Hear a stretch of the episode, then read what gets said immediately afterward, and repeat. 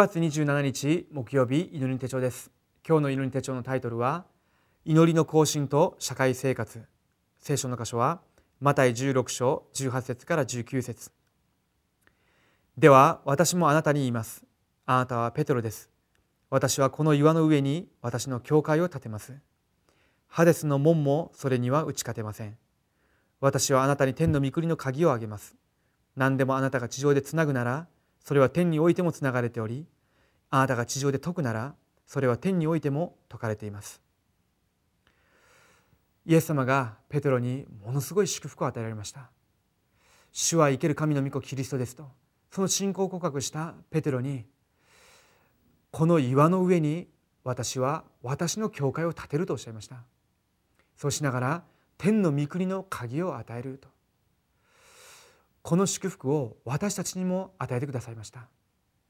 ですけれども私自身の生活とか考え方生き方を見てみると未信者と同じような清純未信者以下のそういった部分がまだ残っているかもしれません。メッセージを聞いて何度も更新しようとしてきたにもかかわらず決断もしてきたけれども実際的には更新できないでいるそういった部分があるかもしれません。ですけれども私が未来神様がなさろうとしていらっしゃる重要な契約を握って今日また新しく御言葉を握って決断して神様から与えられる力を体験していただきたいと思います。私に日々必要なことが信仰の決断と更新です。昨日の私じゃなくて今日神様と共にいらっしゃる私はまた違います。今日私が味わっているキリストはまた明日とも違います。それであれば私の生活も更新することができますじゃあ今日祈りの手帳を通しながら私が何を更新するべきなのかどのように更新すればいいのか答えを受けていきたいと思います。序文を一緒に読みたいと思います。分かっていてもうまくできないのが自分自身に対する更新です。反面聖書の中で神様に大きく用いられた人々が最もうまくできたのが更新です。更新は今の時刻表を正しく見ることです。更新は主題の把握を正しくすることです。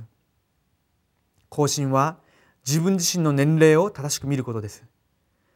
本当に答えを受ける人であることが確かならば更新しなければなりません。その中でも最も重要なことが祈りの更新です。ヨセフは家にいる時と奴隷だった時の祈りが異なりました。ダビデは羊を飼っている時と追われている時の祈りが異なりました。祈りの更新はどのように何からすればよいのでしょうか。一つ目です。福音更新。福音の更新を始めなければなりません。福音の更新とは根本的なこと基本と基礎的なことを明確にすることです。そして誠実でありながらも合理的でなければなりません。そうしながら信仰で挑戦し神様のくださる力を実際的に体験しなければなりません。24時間祈りを通して霊力を回復します。その後メッセージや伝道資料を見て知力を回復するのです。時間があるたびに運動をして体力を回復します。生産性のあることを見て投資することを経済力の回復と言います。人に対するスケジュールを発見することを人材の回復だと言います。この部分に答えを受ける祈りの更新が必要です。私が単純に霊力知力体力経済力人材力単語だけを並べて祈るんではなくて実際的に私の生活の中で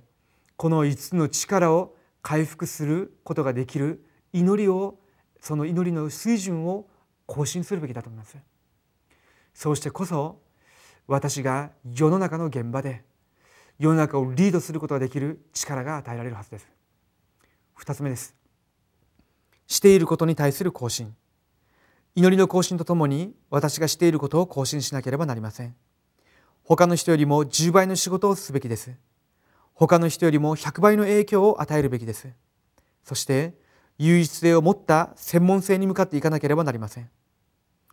いつの祝福を味わうならばこの部分は簡単に成り立ちます。皆さんがしているその仕事の業種皆さんがしている学業に従って内容も変わるかもしれませんけれどもその質であるか量であるかにかかわらず私が福音を持ったエリートとして他の人たちよりも10倍していくべきだと思います。私自身もこういったことをメッセージを聞きながらも思うようにできない部分もありますけれども毎日毎日新しく挑戦する思いを持ってチャレンジしています。私たちが実際未信者よりも10倍仕事をしようとするんであれば自分自身の時間の使い方がとても重要になるんじゃないかと思います。特に朝の時間また空いた時間その時間をどのように活用するかによって他の人たちよりも先立っていくことができると思います。と自分が仕事をすることにおいても自分の未来と密接に関係した仕事また自分が今優先するべき仕事そういった仕事をどういうふうにすれば最も効果的に質を高めてまた生産性を作ることができるのか。そういったことを考えながら仕事をすることができるんであれば神様が重要な結果を与えてくださると思いません。私が福音を持ってますけれども仕事はあまりにもでたらめだとすると実際的に日本のような社会の現場では認められることがありません。日本の現場で勝利するレムナントまた住職者示しの方々一人一人が本当に福音の中でこのような部分を準備することができるんであれば神様が唯一性の答えを必ず与えられるはずです。3つ目です。世界福音化。世界福音化を置いて祈りを更新しなければなりません。どれくらいすればよいのでしょうか。イエス様が復活された後にくださったメッセージが目に見えるほど手で捉えることができるほど証拠として握ることができるほど祈りの更新を続けてしなければなりません。これが私のものとなるように更新する祈りが必要です。そしてもうすぐやってくる時代のための実際的な祈りを準備しなければなりません。世界と文化と経済を征服するくらい福音の中で祈りで私自身を更新しなければなりません。今日のフォーラムの次第です。過去は土台とし未来は今日のこととしなければなりません。そして今日最高の日としなければなりません。今日最高の日とすることが祈りと更新です。今日私は祈りをどのように更新するべきでしょうか。お祈りします。生きておられる神様に感謝を下げます。神様が私たちを伝道者として社会の現場に送り出されました。私それぞれが別の立場